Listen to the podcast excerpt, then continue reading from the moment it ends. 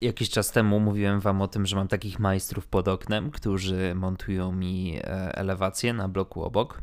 E, I dzisiaj miałem taką misję, żeby od rana się obudzić i posłuchać, e, jak dokładnie wygląda taki cykl życia pana majstra, który przyjeżdża mi pod blok i hałasuje.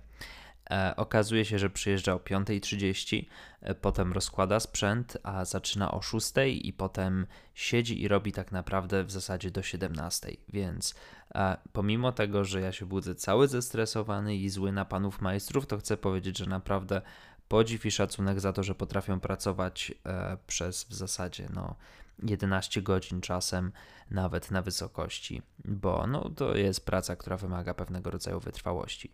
Poza jednym, bo jest taki jeden pan, ja na niego mówię pan Mieciu. Pan Mieciu y, jest osobą, która stoi, a w zasadzie siedzi cały czas e, w takim jakby ala pick-upie, który mają i on sobie ogląda filmiki na YouTubie. Więc pan Mieciu nie pracuje za ciężko. Ale wiecie, kto ciężko pracuje? Bitcoin na rynku. Jedziemy z kolejnym odcinkiem Bitcoin Radio. Bitcoin.pl największy polski serwis poświęcony kryptowalutom i technologii blockchain.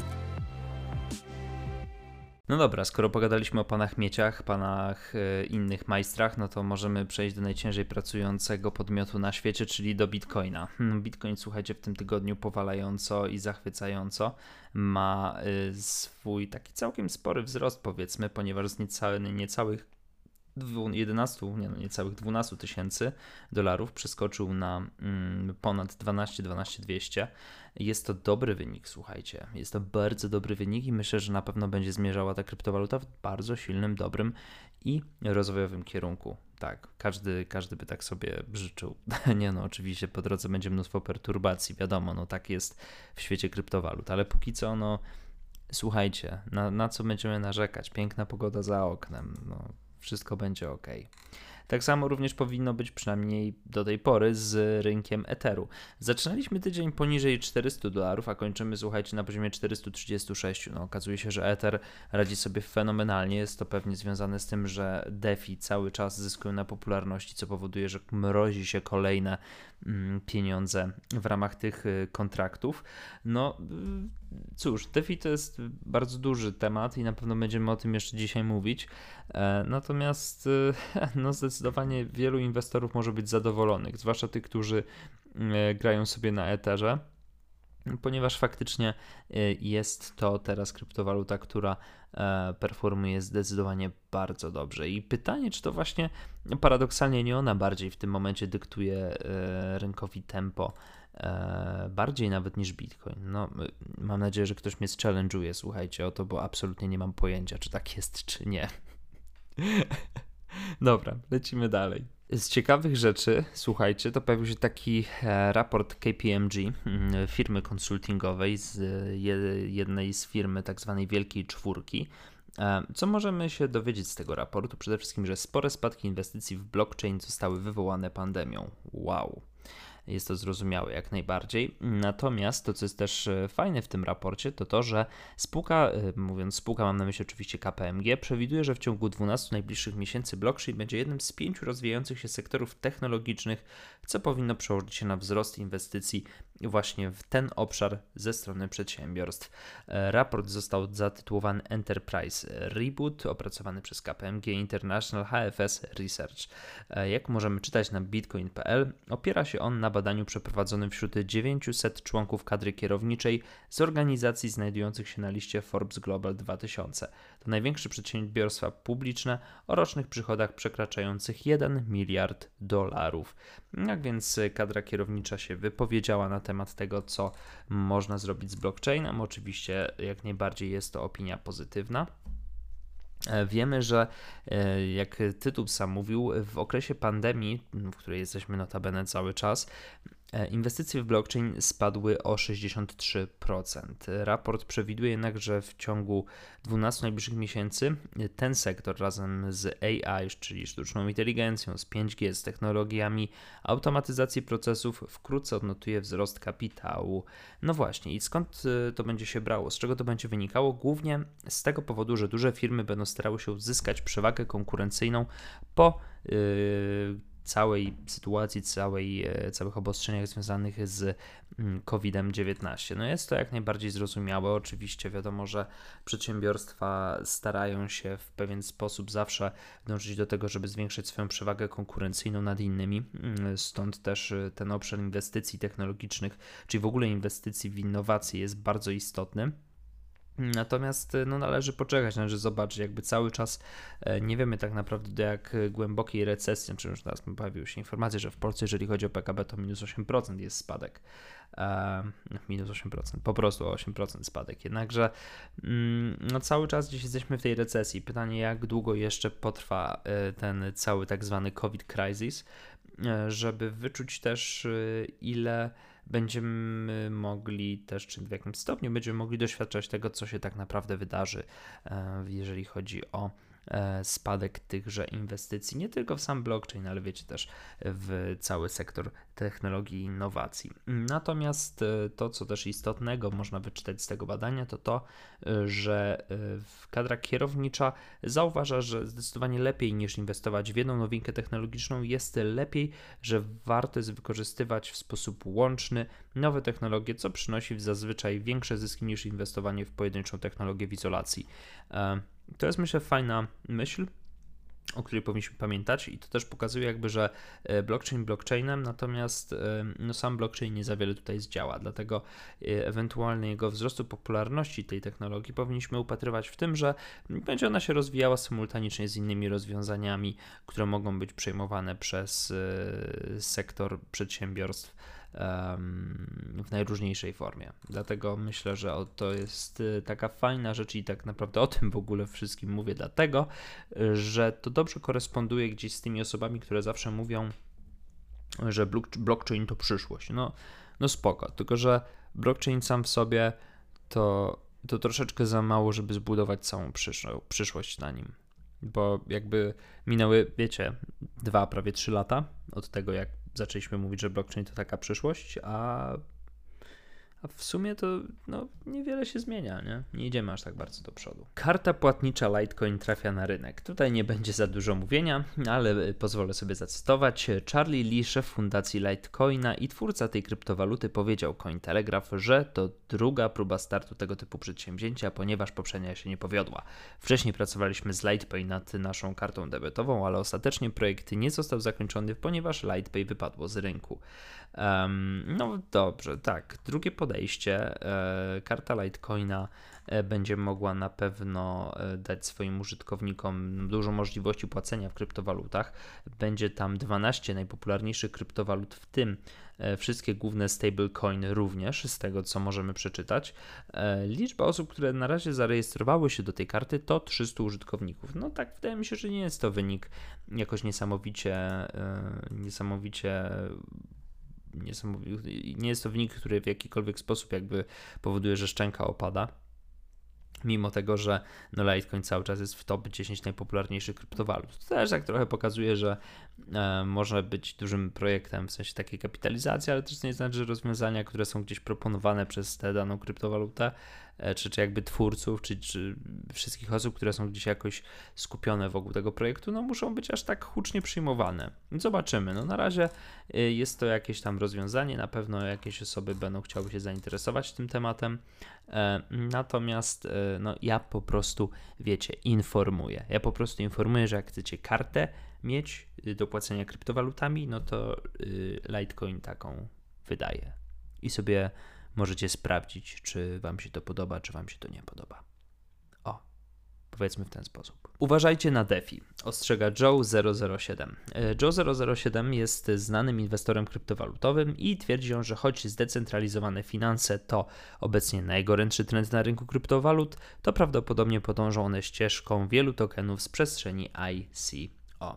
Co więcej mówi Joe, DeFi jest na wczesnym etapie rozwoju i przez to są niebezpieczne jako inwestycja. Istnieje wiele rodzajów ryzyka: włamania, błędy, oszustwa, centralizacja, manipulacja. Lista jest długa. E, Joe również e, odniósł się do DeFi jako do quasi Ponzi i twierdzi, że rozwój tego rynku podąży w tym samym kierunku co ICO. Ostatecznie rynek więc zostanie spuentowany aferami, masą oszustw finansowych. To nie jest, słuchajcie, pierwsza taka. E, to nie jest taka pierwsza e, sytuacja, że ktoś w negatywny sposób się wypowiada o DeFi. E, no ja gdzieś, gdzieś ten temat tak sobie zostawiam zawsze z boczku i staram się do niego nie wchodzić i obiecuję sobie, że jeszcze do niego nie wejdę. Natomiast to, o czym można zdecydowanie mm, pomyśleć, czy co można sobie sprawdzić, zobaczyć, no to chociażby tak performuje Chainlink, który zdaje się e, jest jednym z tych projektów, które no zdecydowanie e, jakby biją rekordy popularności. No jak spojrzymy sobie na jego taki wykres, właśnie tak szukam, żeby, wiecie, pokazać ten e, zakres wzrostu w takim największym, powiedzmy, wymiarze. Okej, okay, nie, niestety, niestety nie jestem w stanie, ponieważ, ponieważ wykres mi się zepsuł. Dobrze. Mm. Hmm. Mm, no, no cóż, jest to nieco przykre, nie ukrywam. Ale e, w zasadzie, e, jeżeli spojrzymy na czerwiec tego roku, wtedy właśnie Chainlink rozpoczął dziki rajd i wzrost e, swojej wartości. No słuchajcie, gdzieś tam z poziomu, który już i tak był całkiem powiedzmy imponujący, od, od 4 e, dolarów do momentu, w którym jesteśmy teraz, czyli do kosztowania w zasadzie niemalże 20 dolarów. No Chainlink po prostu robi niesamowity boom. Tylko, że no, ja też przyznam wam się, że nie śledzę tego projektu aż tak bardzo blisko, natomiast faktycznie, jeżeli widzę w zasadzie niemalże pionowy wykres, który leci do góry, no to mi się to bardzo mocno kojarzy z rokiem 2017. Ja już więcej obiecuję wam, nic na ten temat nie mówię. Ale mogę wam też zdradzić pewien sekret. Sekret. sekret. Bitcoin.pl pracuje nad zupełnie nową serią, która gdzieś jest w obiegu która wszystkich fanów DeFi myślę, że urządzi. Więc jeżeli nie wiecie tak naprawdę na czym polega DeFi, e, nie orientujecie się w zdecentralizowanych finansach, no to na naszym portalu jak najbardziej będzie niedługo informacja, czy pojawią się niedługo, e, czy pojawi się nowy cykl, który tę dziedzinę będzie Wam przybliżał. Jej, to tak mam nadzieję wiecie, pozytywna informacja. A skoro jesteśmy już przy DeFi i jesteśmy w ogóle przy Ethereum, e, to jego opłaty transakcyjne, w sensie opłaty transakcyjne Etheru, osiągają w tym momencie swoje ATH. E, w dniu 12 sierpnia po raz pierwszy w historii Ethereum górnicy uzyskali rekordową ilość 30 500 ETH z opłat transakcyjnych. Ilość przychodów z opłat znacznie przekroczyła nagrodę za blok, która wynosi 13,5 tysiąca ETH. E, wzrost opłat transakcyjnych spowodował, że został przekroczony poprzedni rekord odnotowany w 2017 roku. No, widzicie? Daty są nieprzypadkowe, ciągle nawiązania do tej ostatniej bańki. Kurczę, jak to się dzieje? Stało się tak, ponieważ Ethereum nadal przyciąga coraz więcej inwestorów, częściowo za sprawą DeFi. Według Etherscan w dniu 12 sierpnia średni koszt gazu wyniósł 223 GWI. E, no, no, no, no, tak, no wiecie, duże zainteresowanie jakimś aktywem, no to to jest norma. One sobie rosną, e, rośnie ich popularność, rośnie ich wartość e, i dlatego to potem powoduje, że też jakby sieć się zapycha. No to są takie rzeczy, które w świecie kryptowalut się po prostu dzieją.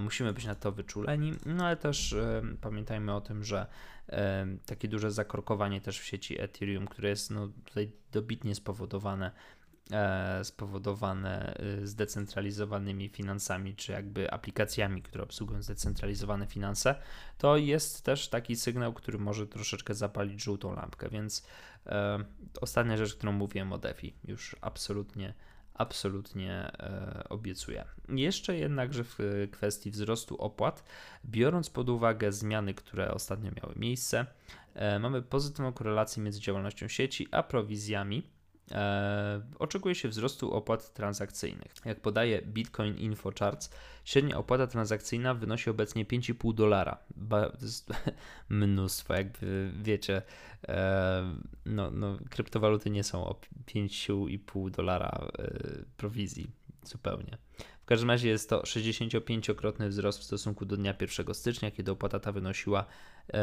w zasadzie niewiele ponad 8 centów. No, to jest e, myślę taki case, który też doskonale pokazuje jak, jak gigantyczne ruchy nagle zaczęły się dziać w sieci ETH. No właśnie, pytanie, czy DeFi jakby będą w stanie, mm, czy DeFi jakby będą e, jedynym takim katalizatorem tych dużych wzrostów, czy może to jest troszeczkę faktycznie tak, że mm, ten Ether się budzi i że razem z DeFi też powstają inne funkcjonalności, powstają inne rozwiązania, które będą się robiły coraz popularniejsze i dzięki temu Ether teraz nagle stanie się kryptowalutą, która będzie, czy w ogóle cały blockchain Ethereum stanie się tą jakby siecią, w której będziemy, z której będziemy korzystać najbardziej przerośnie ona pod względem użytkowym Bitcoina. No, może tak być. Może tak być, ale niczego nie obiecujemy. A skoro jesteśmy już przy dużych projektach i przy dużych nazwach, to warto jeszcze wspomnieć o e, Tetherze. E, Peter Brandt dokładnie o nim wspomina. Mówi, że Tether to kolejny fiat. E, bardzo mocno przestrzega przed tą kryptowalutą, przed tym stablecoinem. No i przede wszystkim te elementy, które podnosi Peter, to to, że y, no jest, no dobra, chodzi w zasadzie tak naprawdę o to samo, słuchajcie, zawsze. Jak to jest możliwe, że ilość teteru, podość, podaż teteru zwiększa się w, w zasadzie takim stopniowym, wykładniczym tempie, że dodrukowywana jest ta kryptowaluta w cudzysłowie i że y, użytkownicy cały czas jakby wykorzystują ją do tego, żeby y, chociażby przez noc zamrozić swoje środki, żeby e, powiedzmy jakoś tak w miarę bezkosztowo się poruszać, na przykład na platformach handlowych. No, moim zdaniem e, jest to e, dziwna sprawa, bardzo dziwna sprawa. E, Tether jest, e, ojeju, to teraz zabrzmi mocno, Tether to takie narzędzie chciwości, ale to jest prawda, bo wiecie, dużo się mówi o tym, że to dolar, e, przepraszam, że to bitcoin ma być pogromcą wszystkich e, fiatów, że dolar, że bitcoin ma być e, pieniądzem przyszłości, a tymczasem no, w tym teterze chodzi o to po prostu, żeby żeby, żeby nie stracić w stosunku do dolara nic. Kiedy, nie wiem, musisz iść spać i nie możesz patrzeć w monitor, no. No, Tether jest takim, myślę, mm, to, to jakby ten wykres wzrostu podaży tetera, teteru to jest moim zdaniem moim zdaniem to jest jakby taki wykres naszej hipokryzji, nas wszystkich, wiecie, całej społeczności kryptowalutowej. Niedługo zobaczymy, jak to tak naprawdę e, się na nas odbije i tak jak Peter Brandt twierdzi, no może kiedyś, słuchajcie, będzie tak, że po prostu Tether się wywróci do góry nogami i okaże się, że wszyscy, którzy trzymali te e, teterowe pieniądze, po prostu nie trzymali nic. Wow, ale dzisiaj się zrobiło spiskowo. Przepraszam Was, miało być tak, wiecie, pozytywnie, a tymczasem bardzo dużo o DeFi, bardzo dużo o Tetherze, bardzo dużo w ogóle o wszystkim, co się dzieje gdzieś dookoła Ethereum. No to jest ciekawy, interesujący temat jak najbardziej. Natomiast no pamiętajcie, że na rynku też jest mnóstwo y, fajnych, różnych innych inicjatyw, które gdzieś się dzieją. Y, bardzo dużo ludzi w Japonii cieszy się z prawa jazdy na blockchainie. O, to, to jest na przykład taki mały sukces związany z branżą, który nie jest również związany bezpośrednio z kryptowalutami, ani z przeliczaniem e, ich na pieniądze.